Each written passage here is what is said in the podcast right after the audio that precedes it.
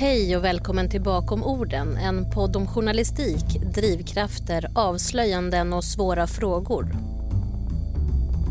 Jag heter Linnea Wannefors och i varje avsnitt träffar jag journalister, både kända och mindre kända, från olika delar av landet.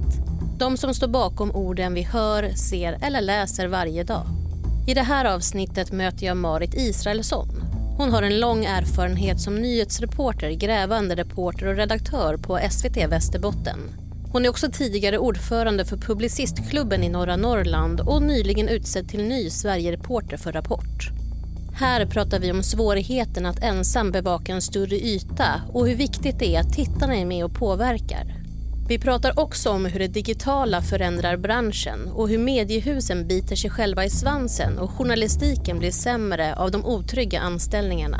Dessutom berättar hon om hur hon absolut inte ville jobba med tv från början och hur det kom sig att hon ändå hamnade där. Här kommer min intervju med Marit Israelsson. Sådär, är du redo? Ja, blir man det? Ja, det är, det är en bra fråga. Ja, I nyhetsbranschen är man alltid redo och ändå aldrig tror jag. Ja, det är bra sagt. Mm. Det är bra sagt. Vad som helst kan hända jämt. Vad var det du sa häromdagen? Att stan kan börja brinna liksom. Det är ju så. Det är ju så. Mm. Hur är det med dig idag, Marit? Det är bra. Eh, man kan ju alltid vända och vrida på saker, eller hur? Eh, vi har ganska stort manfall just nu på redaktionen. På grund eftersom... av pandemin, eller? Ja, precis. Så att eh, nu eh, har vi även eh, borta programledare och det behövs lite rockader på vissa stolar och vi tar in glada pensionärer och eh, ja, så där som det kan vara. Hur känns det att det är så? Ja, det här är verkligen både och. För att när man jobbar som jag som sitter i min vardag på en lokalredaktion så har det varit så slående genom hela den här pandemin att jag har i princip nästan jobbat precis som vanligt. Förutom att jag naturligtvis har gjort eh, nästan alla intervjuer utomhus och att jag haft en, en bom och så vidare. Men jag har kunnat jobba ungefär som vanligt. Det är morgon, klockan är kvart i nio. Vad har du ägnat dig åt hittills idag? Jag har just haft ett morgonmöte. Vi har alltid morgonmöte på morgonen. Och vad går ni igenom på det mötet? Vi brukar väl göra en liten dragning av hur eh, gårdagen såg ut eh, när det gäller eh, vad vi hade online framförallt eftersom att vi nu är i en organisation lokalt där vi jobbar mot online i första hand och inte mot tv broadcast. Så att det brukar vi ha ett litet snack om, om det är något särskilt som har dykt upp funderingar, frågor, avvägningar. Det kan vara allt möjligt. Sen brukar vi också få en information av chefen om hur eh, om det är någonting särskilt vi behöver veta eh, och sen så pratar vi om dagen om det är någon som har några eh, idéer, spaningar, sett något, hört något. Journalistik handlar ju väldigt mycket om att ändå ha örat mot marken och lyssna och titta och speja. Vet du hur resten av din dag kommer bli nu eller är det fortfarande lite så här oklart eftersom dagen inte riktigt har satt igång än? Det är väldigt olika hur det ser ut kan jag säga. Eh, eftersom att jag jobbar på en lokalredaktion så har vi ju ganska speciella förutsättningar jämfört med vad man kanske har om man jobbar på en centralredaktion i stan. Jag har ju dessutom jobbat länge vilket gör att jag eh, ofta jobbar efter eget huvud och då har man ju så att säga Även om vi jobbar i en nyhetsverksamhet så jobbar ju jag både med korta och långa saker samtidigt och parallellt hela tiden. Vilket gör att jag å ena sidan alltid försöker planera framåt vad jag ska göra under en vecka till exempel. Samtidigt som eh, det då mellan varven förstås händer saker som ska göras eh, emellan, eller hur man ska säga. Eh, och eh, så det är klart att, att det här innebär att eh, det är verkligen både och. Vissa dagar så Ja, men då har man planerat och så har man bokat in inspelningar till exempel och så vet man att det är det man ska göra. Just idag så har jag inte bokat in någonting som jag vet att jag ska göra och ingen annan har bokat in någonting heller. Men det brukar ju alltid bli något innan dagen är slut så att säga. Så vad som helst kan hända liksom? Vad som helst kan alltid hända, så är det. Och nu, det här har också blivit extra tydligt nu eftersom att vi är i den här pandemin. Därför det, det har blivit svårt att planera eh, det, när vi är i det också extremt höga smittläge som vi är nu i, i Västerbotten och Skellefteå och Umeå. Jag skulle vilja, um, du har ju headset på dig, eller hur? Mm. Hur sitter mikrofonen i relation till din mun? Sitter den liksom mitt på eller sitter den lite under? Ja, den är lite otäck för jag tycker att den sitter för nära mig vad jag, jämfört med vad jag är van. Är ett nytt headset. Ja, okay. jag... Det låter bra men däremot så kommer det vissa andetag som liksom brusar till lite. Så om du bara ah. skulle kunna ta den lite, lite under så tror jag att det skulle bli... Är det under eller över är frågan? Blir det bättre så här eller blir det bättre? Men, sucka en gång så får jag höra. Ja men det där låter bra. För nu brusade det inte till på samma sätt. Så jag tycker mm. vi, då fortsätter vi så. Ja. Mm. Um, till egentligen alldeles nyligen så, eller du är ju fortfarande reporter och redaktör, men du har fått en ny tjänst som vi ska prata om lite senare tänkte jag. Men reporter och redaktör är ju din roll idag om man säger på SVT vad jag förstår. Kan du beskriva lite mer vad du gör på jobbet? Ja, vad jag gör på jobbet? Jag är ju nu företrädesvis eh, nyhetsreporter kan man säga. Och det innebär ju i dagens värld att jag gör research, eh, jag eh, planerar, jag filmar, jag skriver text, jag klipper, alltså redigerar. Du gör allting kan man säga. Ja, så är det. Men du har ju hoppat lite från att vara redaktör till reporter fram och tillbaka. Vilket är roligast? Det är väl så här att reporterjobbet är alltid det finaste jobbet egentligen. Därför att det är då som man får göra jobbet på riktigt och man får vara ute i alla möjliga olika verkligheter och man får träffa människor och eh, ja, vara med om så, så många saker. Eh, så att det, det finns ju ingenting som slår det. Sen, sen är det klart att jag har varit en del i arbetsledande roller genom åren och eh, ledarskapet är ju i sig intressant eh, och roligt också. Men eh, jag har ju på senare tid mest jobbat med, med att vara reporter. Men trivs du med den här ledarskapande rollen annars? Absolut, och jag har haft den och tagit den ganska många gånger genom livet på olika sätt. Alltifrån att vara liksom den som som blir elevrådsordförande eller ehm, ja, jag har eh, instruktör, lett hundkurser, ja, föreläst en del. Alla sådana saker ingår ju i det också, att man på något sätt inte är eh, kan tycka att, att det är roligt att kliva fram och eh, göra någonting som engagerar en och som man tror att man kan på något sätt eh, göra skillnad i även där. Men, men eh, det är ändå ett annat spår jag kanske mer har valt i det här att vara reporter. Från och med i mars är du ny Sverigereporter för SVT. Vad innebär det?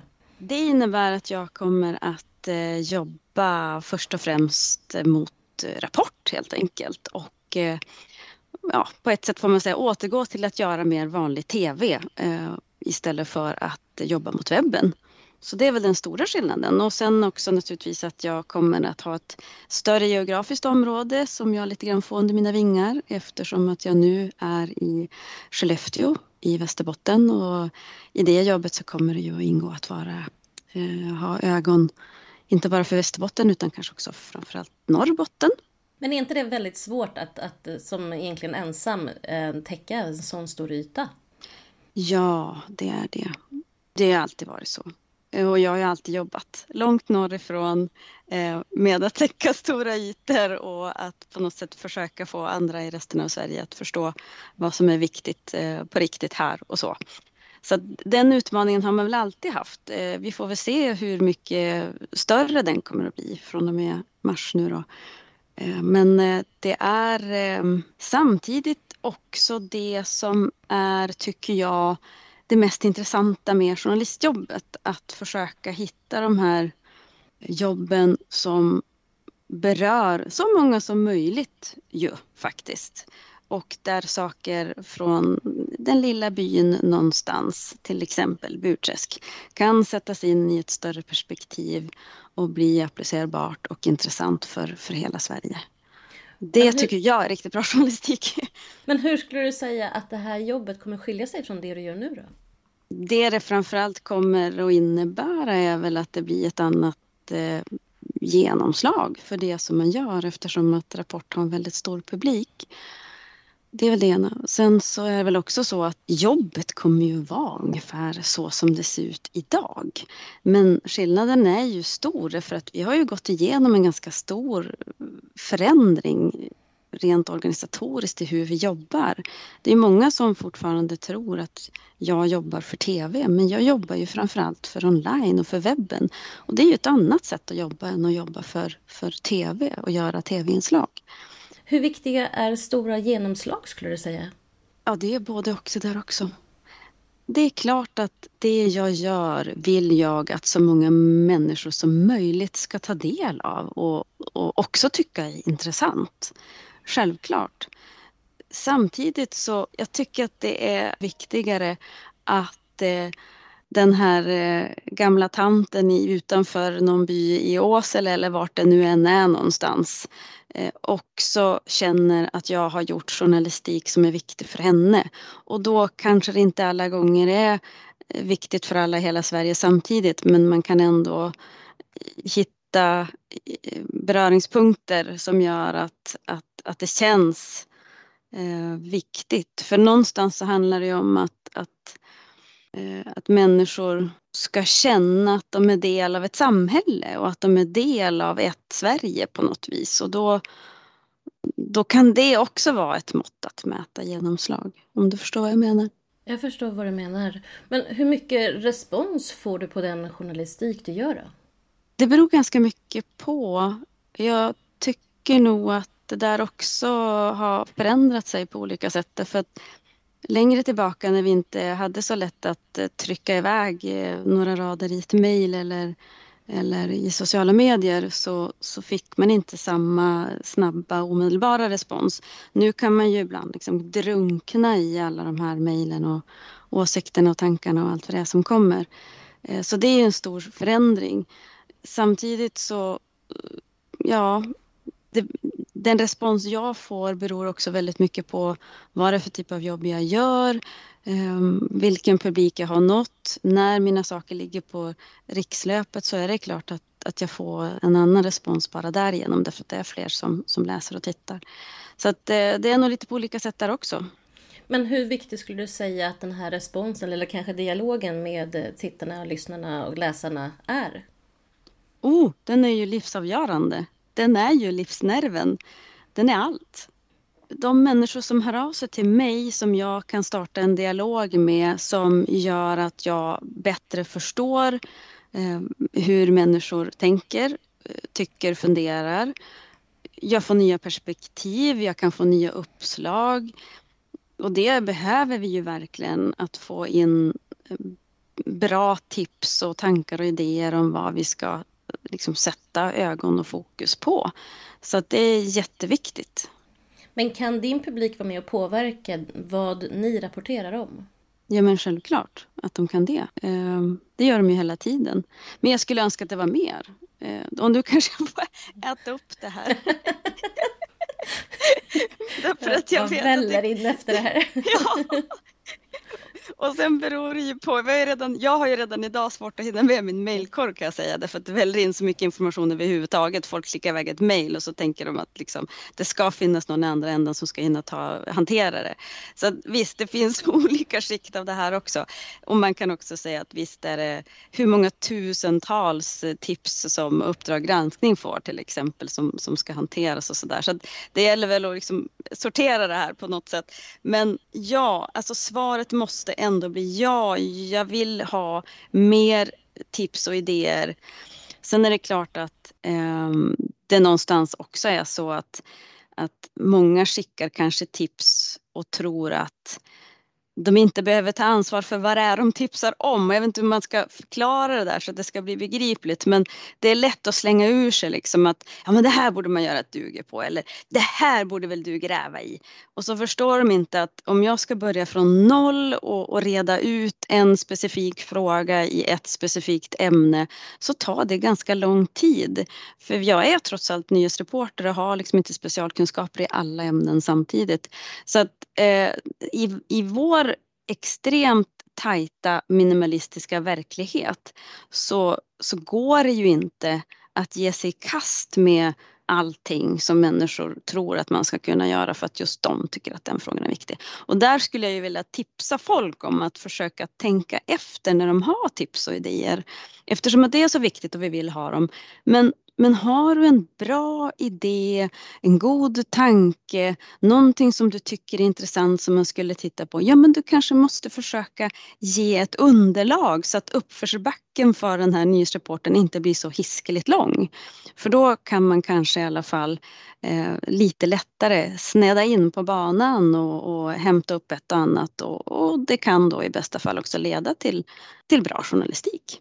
Ja, för det handlar ju lite grann om också att få tiden parallellt med det som du beskriver, den här vardagliga, den dagliga nyhetsrapporteringen, så ska man ju också få tiden till att ha det här, gå in och förstå vad det handlar om och liksom, ja men vägen fram. Och det kanske inte alltid är så att man, man har den tiden varje dag. Nej, vi har verkligen inte den tiden längre. Eh, så ser det faktiskt ut. Eh, och eh, sen ska man också komma ihåg att det är så att göra just video och rörlig bild är ju ganska bökigt och besvärligt. Det tar på så lite sätt tid. Mm. Det tar en förskräcklig tid och det, det är ju också kanske svårt för människor att förstå. Liksom, hur svårt kan det vara? och, och, och, det är klart att när det bränner till, när det händer, ja men då kan vi vara jättesnabba för då kanske vi ställer oss på en plats och så står vi där och så rapporterar vi och tekniken fungerar och då berättar vi rakt ut och då är vi här och nu. Men för att göra den här eh, ja, det kan vara ganska enkel journalistik och vardagsnära och så, men, men det kräver ofta att man har tagit reda på saker innan man ska hinna prata med de här människorna. Sen ska man få dem att ställa upp också. Bara en sån sak. Först ska man prata med dem och sen ska man få dem att ställa sig framför en kamera och där har ju jag ett jättestort handikapp jämfört med, med många andra och kanske ännu mer här uppe i norr, jag vet inte. Men, men det är inte så att människor står på kö för att få vara med i TV. Eh, om de nu inte är väldigt skolade politiker och så. Men, men det är ett stort bekymmer och sen ska man ta sig till den här platsen och så ska man spela in dem och så ska du kanske komplettera och sen ska du skriva text och så ska du klippa det här och ja, alltså det är en ganska lång färd mot ett färdigt resultat och det, det tror jag nog att eh, det är lätt att underskatta hur lång tid det där tar. Ja, men precis. Vad är bästa sättet att få människor att ställa upp på, på bild och prata om en, en fråga eller en händelse? Oj, man får ta till allt. Hot och mutor och allt vad det är. Okej, okay, vill du utveckla det där? eh, nej men eh, ja, jag tror att jag framförallt brukar försöka tjata. Eh, förklara hur viktigt det är och varför det är viktigt. Så är det ju förstås. När det gäller oss så har vi väl också haft en ganska, jag ska säga så här, vi har haft en väldigt tydlig strategi just på SVT Nyheter Västerbotten att vi under många år har kämpat aktivt för att få 50 procent eh, kvinnlig representation i rutan. Om man ska uh, lite övergripande förklara det. det. Nej, verkligen inte. Och det har ju hängt med i så många år att, att eh, det har varit 70-30 och, och sådär. Så att det här har varit viktigt för oss. Vi har hållit i det under många år och, och har på på den här punkten i många år också varit världsledande faktiskt när det gäller och kommer till att, att lyckas. Och det handlar ju om att vi då också försöker verkligen tänka, kan jag eh, i det här fallet intervjua en kvinna som säger samma sak som en man, då ska jag försöka få den kvinnan att ställa upp. Och det kan också vara ytterligare lite svårare då. Och då får man ju ta till det här att, att eh, gå in faktiskt i ett samtal där man får förklara hur det ser ut. Och då tycker jag nog att det är många som utifrån den aspekten också känner att ja men okej, ja men då, då ställer jag upp. Men kan det inte också bli så då att man kvoterar in en röst som kanske inte är den, den bästa rösten att höra? Förstår du hur jag menar? Mm. När vi började med det här så var jag inte helt säker på att jag tyckte att det var en bra idé. Därför att jag just hade ganska stora invändningar mot att man inte ska hålla på med att kvotera. Ehm, därför att det blir på något sätt också alltid konstigt i någon annan ände. Men det vi har sett under den här resan är ju att det är så uppenbart att det skapar en förändring. När vi har gjort det här så har det blivit en förändring. Och, och vem ska säga att det har blivit sämre journalistik? Mm. Vem, alltså det finns ju ingen som kan säga det. Det är väl tvärtom. Det har blivit bättre journalistik. Vi har fått andra perspektiv. Vi har fått fler perspektiv. Det, det är en, en, större mångfald. Det kan ju inte vara dåligt. Alltså, så det här kan man ju vända och vrida på och, och, och jag är som sagt var en nyhetsjournalist och då får man ju alltid hålla tungan rätt i mun eh, på något sätt va? och inte ge sig in i sånt som kan ha politisk sp sprängkraft på något sätt. Men, men eh, ja, ja ungefär så. Nej, men att säga att perspektiven blir fler är ju inte politisk sprängkraft. Det är ju det som samhället ska visa. Vi vill ju ha många perspektiv. Ja, och det är ju vår skyldighet. Mm. Att ge så många perspektiv som möjligt. Mm. Nu på senaste tiden har det ju blivit ganska mycket pandemibevakning vad jag förstår och det kanske inte är helt konstigt heller. Men hur lätt eller svårt är det att hitta nya vinklar där till exempel? Jag tror att eh, ja, jag kanske är lite fel person att svara på det här för att jag är ju lokalredaktör och dessutom så jobbade jag i ett särskilt projekt under fjolåret vilket kanske har inneburit att jag inte har varit den som har varit absolut närmast vår pandemibevakning utan det är det andra på redaktionen som har skött med den äran ska jag säga. Eh, det jag tycker att jag kan se det är väl att det påverkar ju oss eh, väldigt mycket. Framförallt från början blev det väldigt slitigt därför att det går inte att planera utan Eh, man tror ju att nyhetsjournalistik är så här, ja det bara händer och så gör man, men så funkar det inte här uppe i alla fall utan, utan nyhetsjournalistiken är i på många sätt en väldigt välplanerad verksamhet och måste så vara för att vi är så pass få som jobbar och vi ska producera mycket. Och då, då måste det finnas en plan så att säga. Och pandemin har ju inneburit att det har varit nästan omöjligt att planera i, i mångt och mycket. Och det ser vi ju nu också i den här situationen som vi är i just nu. Nu har vi väldigt hög smittspridning i Skellefteå och i Umeå. Vi hade ja, nu tror jag vi berättade väl här igår att det var 2000 elever hemma. Ehm, det är ett samhälle som går på knäna och då, då kan inte vi heller göra annat än att skildra det som i princip är mitt framför ögonen. Det är det vi gör och då blir det väldigt mycket av den här alltså säga, akuta eh, covidbevakningen. Och, och eh, sen försöker vi väl hela tiden prata om i vilken mån vi ska göra vilka vinklar och, och hur mycket vi ska göra därför att det också är så att människor orkar inte med hur mycket som helst. Så att, eh, det är svåra avvägningar. Du har också varit involverad i bevakning av Northvolt som bygger en batterifabrik i Skellefteå. Varför är det viktigt att bevaka den här frågan? Oj, ja, Northvolt har ju jag följt sedan innan det var klart om det skulle bli Skellefteå eller inte. Så det är ju ganska många år vid det här laget ändå som jag har varit direkt inblandad där. Men jag tänker att du syftar på att jag också har gjort en del ifrågasättande reportage och granskat en del av det här nu på senare tid. Eller?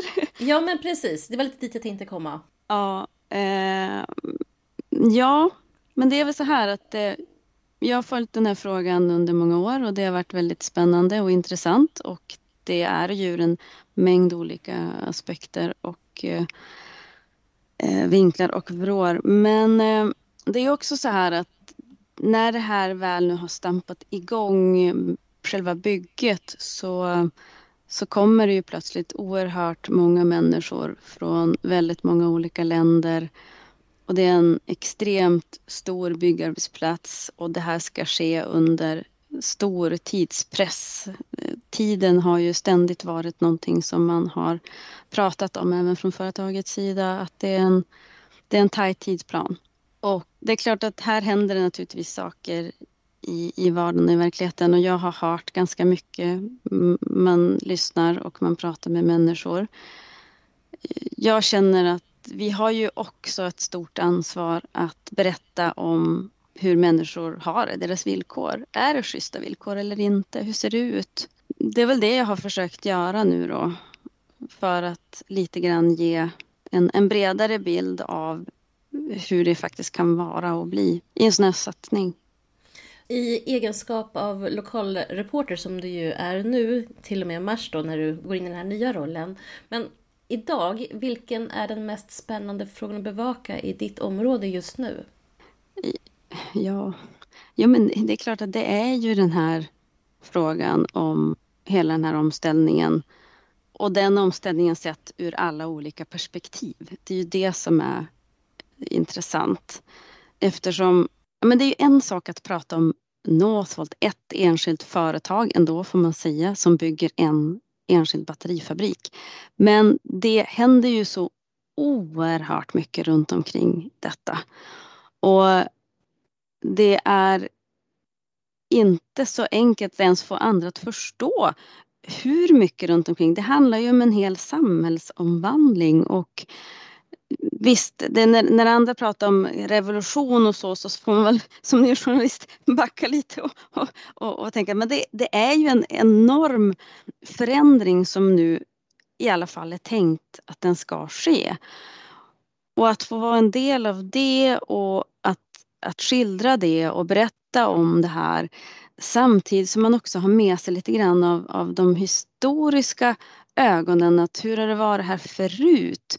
Eh, Boliden för hundra år sedan när man hittade guldet, metallerna. Eh, hur, hur det här då har påverkat, vad kan man dra för, för eh, paralleller mellan då och nu? Det, det, är så oerhört mycket som är spännande i det här.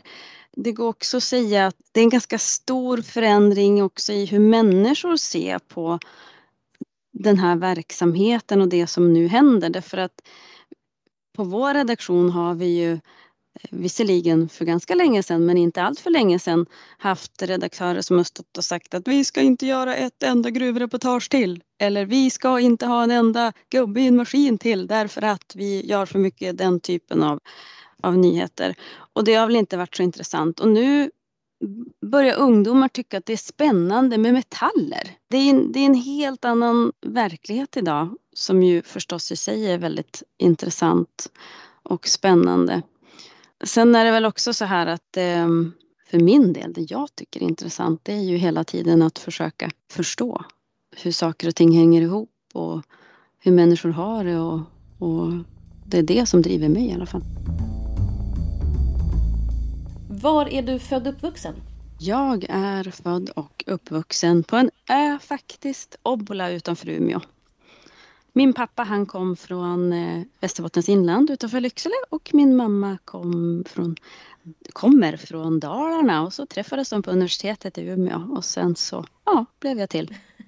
Och nu bor du i Burträsk. Hur, hur viktigt är det att bo och jobba liksom på samma ställe, vara en del av det samhället man rapporterar om? Vi var ju inne på det lite förut. Ja, nu har ju jag jobbat på lite olika håll ändå. Då. Eh, att jag hamnade i Burträsk beror ju på kärleken då. Och de livsförutsättningar som fanns då med bonusbarn och annat. Eh, men det är klart att bo nära människor som på något sätt inte gör samma sak som en själv, det vill säga inte är journalister. Det tror jag är jätteviktigt och det har vi nog alldeles för få av i det här landet skulle jag vilja påstå. Eh, och för det, det skapar en helt annan förståelse för frågor och på vilket sätt de är viktiga. Och man ser strömningar på ett annat sätt tror jag än, än vad man gör när man, när man bara sitter i storstan om jag får uttrycka mig så. Det får du göra. Men hur länge har du varit journalist? Om du frågar min kompis så säger hon att jag vet ingen som är så mycket journalist som du. Du har alltid varit journalist. Jag vet inte. Men jag har i alla fall jobbat sedan eh, slutet av 90-talet. Vad gjorde du innan då? Gick skola. Okej, okay. men det var skola och sen var det liksom journalistiken? Ja, ja, fast jag hade nog inte tänkt det. Jag hade bestämt mig för att jag skulle göra annat innan jag blev journalist. Jag, jag tyckte som ung att det var väldigt roligt att skriva och trodde kanske att det var det som var grejen. Eh, sen tänkte jag att ja, men man behöver göra andra grejer och jag, jag var en sån där som började jobba extra tidigt med allt möjligt mellan himmel och jord. Eh, och eh, ja, men sen så, så gick jag utbildning och insåg väl att jaha, men det är det här jag vill hålla på med och det var kanske inte skrivandet i sig som var det mest intressanta utan det var det här att man fick vara den man får vara när man är journalist. Ehm, jag, jag, jag är ju född i början av 70-talet och då fick man ju som barn höra ofta så här att men du ska inte vara så nyfiken. Och jag eh, var ju tydligen väldigt nyfiken då. Och jag har funderat mycket på det där, om det gjorde då sen att jag faktiskt blev journalist. Men jag tror att det mest handlar om att jag har ett stort behov av att förstå saker. Och hur ska man kunna förstå saker? Hur ska jag kunna förstå dig om jag inte ställer frågor? Jag tror att det var det som, som hände i mig väldigt tidigt, att jag förstod det här. Eh, och då började jag leta och så insåg jag så att här finns ett jobb som man kan där man får ställa frågor. Och det är helt okej. Okay. Och man kan ställa frågor som kanske andra inte vågar ställa. För jag var också dessutom som barn väldigt blyg. Så jag var inte alls den som vågade eh, ställa frågor eller ta plats på det sättet. Så att jobbet har på så sätt verkligen öppnat eh, dörrar för min personlighet, får man väl mm. säga. Ja, fint ändå. Men vad för typ av journalist ville du bli från början då? Hade du någon tanke på det? Ja, jag visste att jag absolut inte ville jobba med tv. och det gick bra? det är det jag har gjort nästan hela tiden. hur, kommer det sig då, att det blev den, den vändningen? Det kom sig nog helt enkelt av eh, olika praktiska verkligheter som på olika sätt eh, uppstod där samtidigt. Jag, eh, förutom att jag tidigare då var eh, journalist och var skrivande och det var ju det jag ville jobba med egentligen. Jag ville skriva eller möjligtvis eh, hålla på med radio. Men då hade jag också en tjänstehund, en räddningshund och det gick bra för oss och vi, vi var under en period med i Sveriges internationella räddningsstyrka och tävlade några SM och det gick, gick jättebra och då ville jag ha goda möjligheter att träna. Och det hade jag inte kanske alla gånger Eh, där jag var och ja, på den tiden var det faktiskt så att de ringde upp och frågade Kan du inte komma och börja hos oss på TV? Det var ju, de ville att jag skulle komma till Umeå, då var jag i Lycksele. Eh, och eh, tänkte att ja, men jag provar väl. Och eh, på den vägen blev det. Och då var det ganska snabbt så att jag började, jag har, lite, jag har lite grann gjort där en omvänd resa för att ganska snabbt när jag kom in på SVT så var jag ju då, satt jag som ständig intake och arbetsledare då. Lite grann motsvarande ny chef. Intaken är den som tar emot liksom, tips och liksom, jobb och... Uh... Precis, håller morgonmöten och ser också till att planera framåt så att säga mot nästa dag och, och kommande dagar. Så har det varit tidigare. Nu har ju organisationen förändrats en del och den ser lite olika ut över inom olika lokala nyheter i Sverige. Men, men så var det då i alla fall. Eh, och eh, ja, jag har till och med varit ansvarig utgivare då för, för det som då hette Västerbottens nytt och sådär. Och sen har jag varit redaktör på Sverige Dag och så.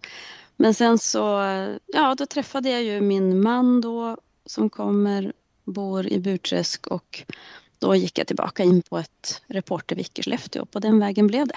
Men från början så ringde de från tv och frågade?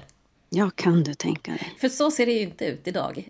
Idag Nej. är det lite svårare att få jobb. Um, vad tänker du, eller vad säger du om hur branschen ser ut idag? Oj, det vill nog ingen att jag ska prata högt om, för då kan jag verkligen gå igång och bli lite arg. Mm. Uh, ja, men det, lite grann ska jag väl nog säga att det har svängt om också, för att det, det har varit många år då det har varit oerhört svårt att få jobb. Men jag var inne en sväng och var agendachef på SR för några år sedan. Och då blev det uppenbart för mig att Eh, den kön av väntande journalister som har funnits, som har stått där för att få jobb, den finns inte längre. Därför att människor kan inte sitta hemma och vänta och hoppas på att de ska få bli erbjuden något vikariat här och där. Liksom. Eh, så här har det hänt någonting ändå. Jag tänker mig att det är stor skillnad förstått på hur det ser ut där du sitter i Stockholm jämfört med hur det ser ut här. Men det är ändå någonting som jag ser en, en skillnad i. Och jag tänker att eh, här får public service fundera på om man har bitit sig i svansen eller inte. Nej, just det. För jag hörde någonting, om det var igår eller i förrgår, eh, häromdagen, att, eh, att det nu är väldigt, väldigt, väldigt ont om, om vikarier också just under en period nu under pandemin när det är svårt att eh, hitta personal. Och då är det väl den här svansen som, som man kanske har bitit sig i alla fall. Inte bara SVT och public service, men även andra mediehus. Ja, problemet är ju det att det vi har ägnat oss åt under en eh, herrans massa år, det är ju att vi får in vikarier från utbildningarna.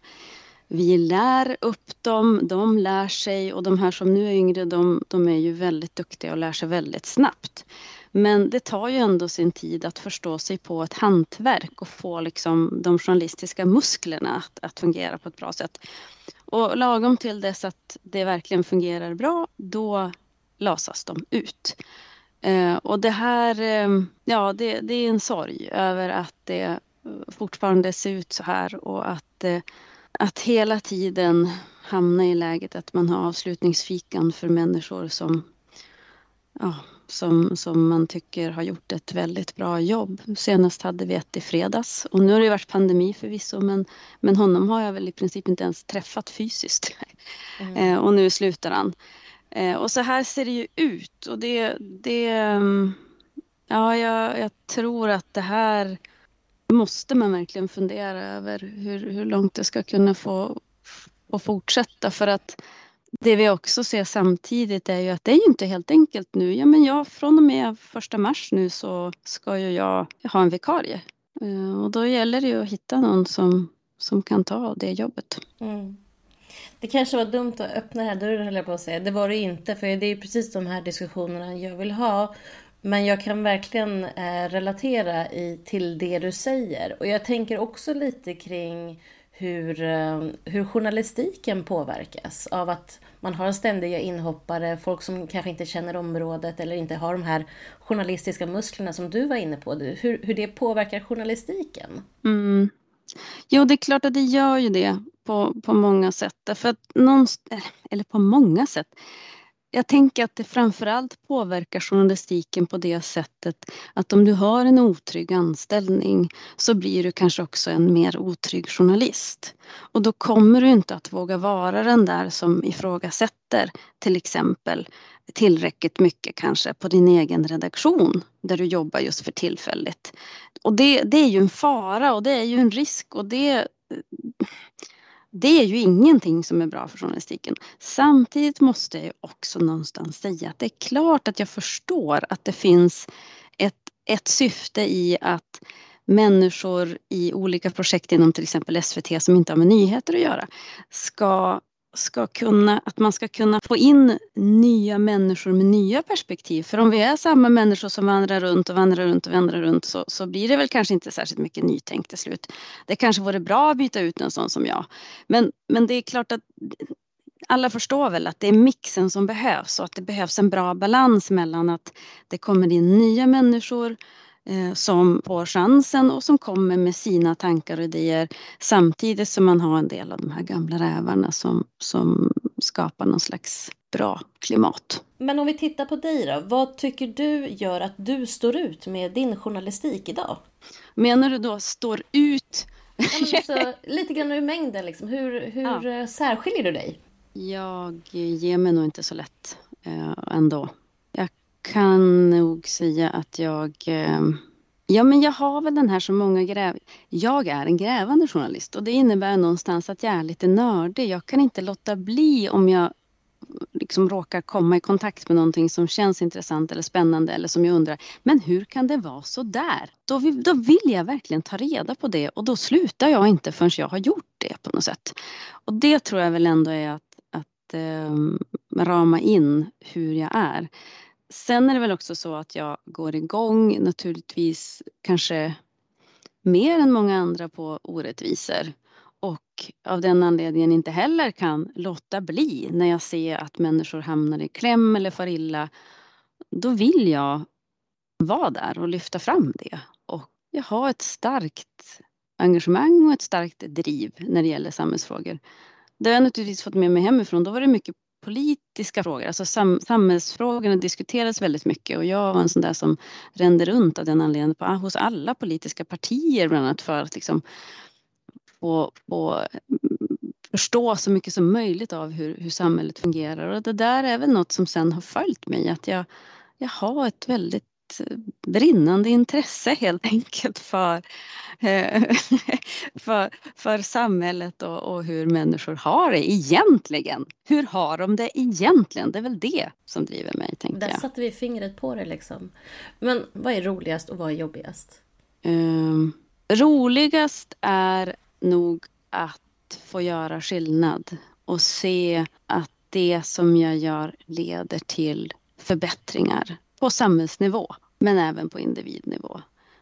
Ehm, det kan vara nog så stort att, ja men som när jag följde Jenny som satt på tredje våningen efter en stroke i rullstol, ensam, utan hiss. Eh, kommunen drev till domstol, inte bara en gång, att hon skulle minsann inte få flytta till ett äldreboende. Och ja, men jag gjorde en hel del rapportering om det här och det fick genomslag och ehm, det slutade ju med att hon fick en plats på ett äldreboende och eh, hon ringer mig fortfarande faktiskt. Mm, eh, Fastän det har gått några år. Ja, och, och, och, hon är så glad och tacksam nu fortfarande flera år senare över att, att det blev så här. Och, och, och från början försöker man liksom slå ifrån sig som journalist och så säger man så här, ja men det är ju inte nej men det var inte jag som gjorde det där utan det är ju ändå du som har drivit målen och det, det är ändå, det är inte journalisten som kan göra så va. Men, men det är klart att saker och ting har betydelse om man känner att man har gjort skillnad så, så händer det något. Eller när man ser att någon säger Nej men det här är ju faktiskt inte särskilt välfungerande. Vi behöver nog se över den här lagen. Vi behöver kanske förändra den här lagen. Ja men vi gör nog det. Ja men det är klart att då, då har man ju uppnått någonting. Det som är jobbigast är att tiden inte räcker till och att våra förutsättningar har blivit så tajta och svåra att det inte riktigt har funnits under flera år nu utrymme för att göra en en journalistik som jag tycker kanske många gånger är värd namnet. Det, det är jobbigt och jag, jag har berättat nu om olika satsningar som man gör för att det ska försöka bli bättre men det märks verkligen att Sverige har väldigt mycket färre journalister haft under många år. Att det har varit en bransch på dekis om man får uttrycka det så. Ehm, det har varit väldigt tuffa år och jag tycker fortfarande att det är svårt att hantera jag ska säga jobbigast. Kan jag säga vad som är svårt? Ja, kör på. Kör på. Det är svårt att befinna sig i en brytpunkt mellan så många olika saker som just nu händer i samhället. Det är självklart att det är bra att eh, samhället utvecklas, att vi, att vi genomför en digitalisering men den här digitala förflyttningen innebär ju också samtidigt för en sån som mig att jag ska förhålla mig till ett annat sätt att jobba på som ingen riktigt vet hur det ska gå till eller hur vi ska göra det för att det ska bli bra. Eh, hittills har det mycket handlat om de senaste åren om att vi ska, vi ska jobba mot online, vi ska skriva mindre text men vi måste också göra kortare klipp. Allting ska liksom bli kort kortare. Eh, nu har vi någon slags dekret lokalt att vi ska, ingenting ska vara längre än 75 sekunder. Och, och hur ska vi kunna hitta ett sätt att berätta ändå viktiga historier även i nyheterna, om det nu är det nyheterna ska jobba med i framtiden, så, så är ju frågan hur det här ska kunna gå till på ett bra sätt. Idag kämpar vi med att eh, människor inte i så stor utsträckning vill titta på tv men de klickar inte heller på våra rörliga videoklipp i så stor utsträckning. Så att det här är ju en, en svår nöt för oss att knäcka liksom hur vi ska hitta något bra sätt där framåt.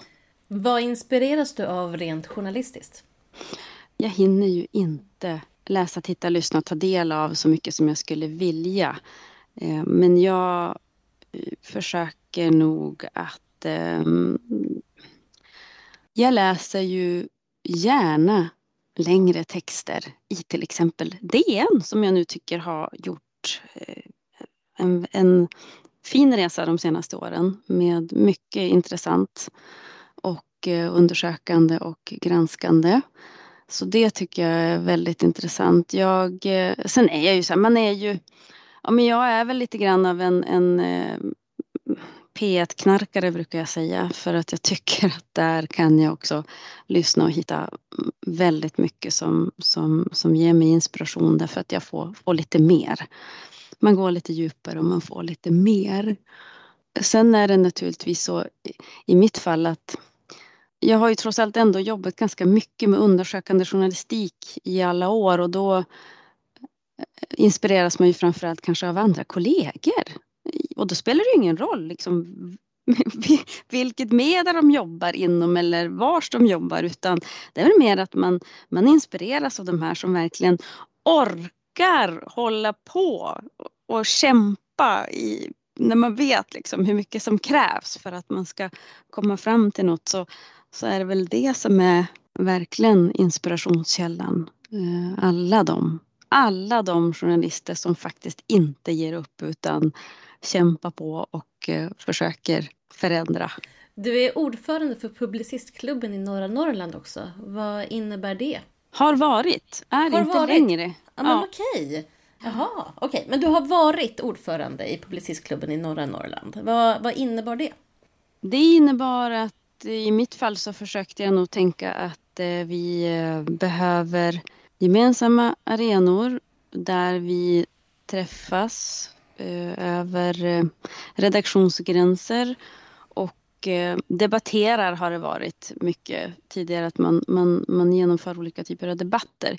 Jag försökte komma till att vi behöver nog mer samtala än att debattera därför att journalistiken har på något sätt blivit trängd allt mer på senare år och då då kanske vi också behöver fundera mer av att hur kan vi på något sätt, även om vi konkurrerar i vår vardag, faktiskt ehm, ändå någonstans visa att vi ehm, försöker lyfta varandra istället för att ehm, göra något annat.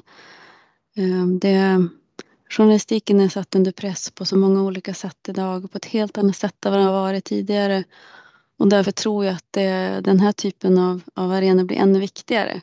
Men det är svårt för att eh, våra publicistklubbsarrangemang har väl inte dragit så där enormt jättemycket folk och det beror ju naturligtvis också på att vi verkar i en del av, av Sverige där avstånden är långa och där det inte finns så många journalister. Du vet, de flesta journalister finns i Stockholm fortfarande. Mm, mm, mm. Jo, jag vet, jag kör med dem mm, och slåss med ja. dem för jobben. Ja. ja. ja.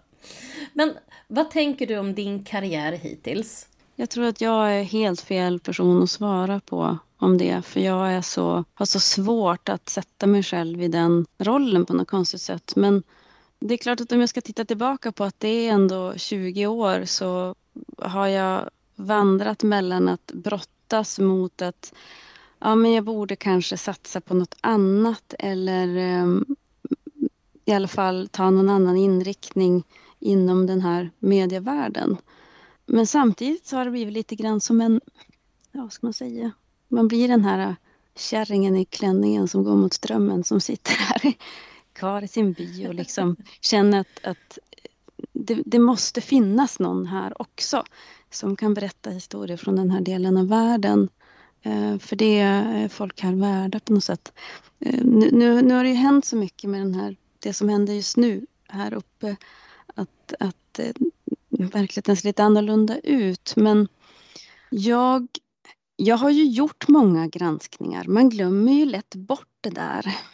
En gång hade jag en chef som sa det jobbiga med att vara i nyhetsvärlden det är att man är aldrig bättre än sitt senaste jobb. Och eftersom att man i nyhetsbranschen gör nya jobb hela tiden så säger, så säger det ju sig självt att man kanske inte alltid eh, är sitt bästa jag och gör de här fantastiska grejerna. Men jag har ju några gånger varit tvungen nu på slutet faktiskt att sätta mig ner för att kunna liksom sammanfatta så här, men vad har jag gjort då under de här 20 åren egentligen? För det är lätt att känna att man inte har gjort någonting. Men när jag börjar sammanställa de undersökande reportage och de granskningar som jag har gjort så inser jag att ja, men det är ju rätt mycket ändå. Och det är ju fortfarande bra grejer. Uh, så att uh, Ja, vad var egentligen frågan? Hur, jag, man har så svårt att prata om sig själv. Alltså. Ja, men jag förstår det. Jag frågar om din karriär hittills. Men om man säger så här då. Har du någon dröm som fortfarande finns och lurar borta i horisonten? Jo, men det är klart att vi alla har det. Eh, jag, ehm, jag skulle väl naturligtvis vilja få utrymme för alla de här projekten som ligger i byrålådan eller i, gömda i en dator någonstans. Jag har ganska många idéer. Jag har ganska många idéer om allt ifrån eh, skrivprojekt till dokumentärer. Eh, så att eh, det finns ganska många saker som jag vill göra.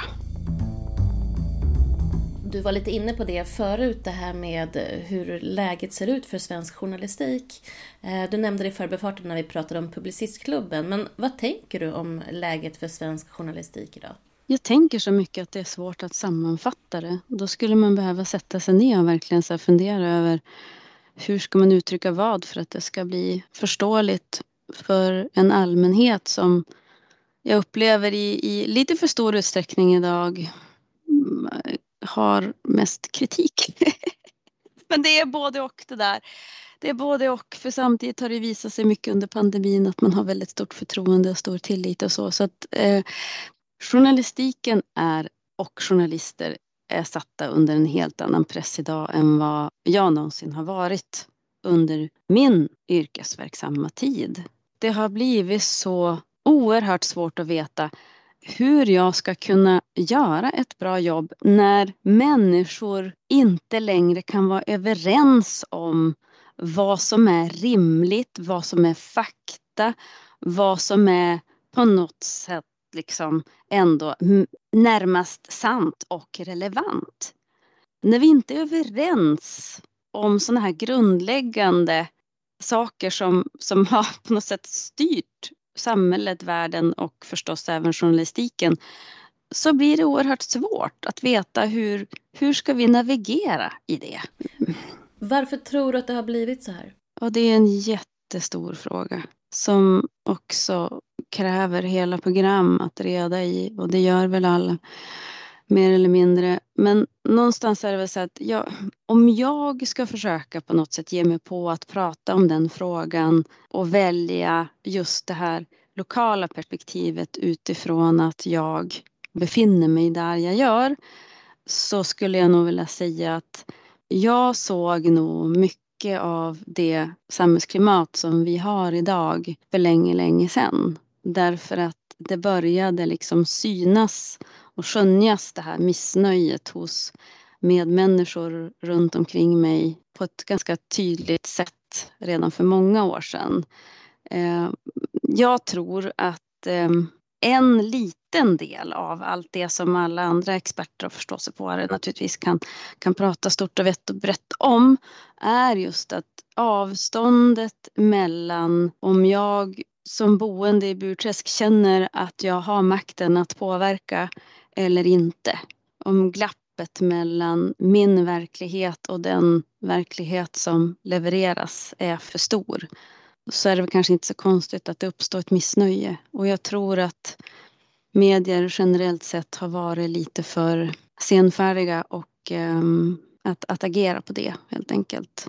Men, men vem ska man skylla på? Det är klart att här handlar det om att medierna har ett väldigt stort ansvar som man i stor utsträckning skulle jag vilja påstå inte har tagit när det gäller inte minst liksom människor som finns på landsbygden i Sverige. Men, men samtidigt så, så, så är det ju en, en liten del av, av något mycket större som vi ju någonstans alla vet också. Det går att trassla in så mycket där. Det gör det absolut, men går det liksom att backtracka och hitta tillbaka till rätt väg och eh, och liksom ta in på den vägen och, och hitta en, en, riktning framåt? Eller, eller är det kört? eller vad ska man säga? Men det beror också på om vi ska, liksom, om vi ska hålla oss kvar i det här det jag pratar nu, att nu hakar vi fast just på så här, den lokala liksom, vinklingen av det här problemet. Eh, jag, eh, nej, det är klart att det inte man kan säga att det är kört. Jag, jag ser bara på SVT på olika sätt faktiskt eh, försöker verkligen hitta sätt att, ja men till exempel det här att man ska, ska försöka få eh, fler journalister på fler platser runt om i landet det är ju en, en konkret praktisk sak som man jobbar med. Och att försöka få in mer journalistik i, i rikssändningar till exempel är ju också en viktig aspekt av det hela. För syns man så finns man på något sätt. Men, men sen är det klart att det, det är ju så många bottnar i det här. Jag menar vad, vad, vad beror det på att samhället ser ut som det gör just nu? Jag menar det är en gigantisk fråga. Och, och någonstans så, ja, jag vet inte. Linnea, hur ska man, hur, vad ska jag säga där? Men, um, vilka är de största utmaningarna då, som svensk journalistik står inför, som du ser det? Jag tror att utmaningen för journalistiken någonstans är att journalistiken måste våga, journalistiken måste bli modigare. Journalistiken kan på något sätt inte bara vara en spegling av samhället som vi ju i mångt och mycket är. Journalistiken behöver på något sätt bli tuffare tror jag. Ehm, jag skulle nog det låter, det här är också så taget ur luften men, men, men eh, ska man liksom resonera omkring det så, så behöver journalistiken jag tror att journalistiken har varit lite för feg. Jag, jag, pratar inte helt generellt nu för vi har ju som sagt var jättemånga goda exempel på väldigt många duktiga journalister som, som gräver och det gör satsningar och på många sätt har också saker blivit oändligt mycket bättre än vad de var förr och så. Men, men det, det, eftersom att utmaningarna är så mycket större idag så krävs det ju också så mycket mer av journalistiken. Och eh, då tror jag verkligen att, att den behöver bli modigare. Du har precis hört ett avsnitt av podden Bakom orden. Om du gillar den får du gärna dela så fler kan få möjlighet att lyssna och jag kan få spridning på podden. Både mig och podden hittar du på sociala medier, bland annat under hashtaggen bakom orden. Lämna gärna en kommentar eller ett önskemål om en framtida gäst. Vi hörs!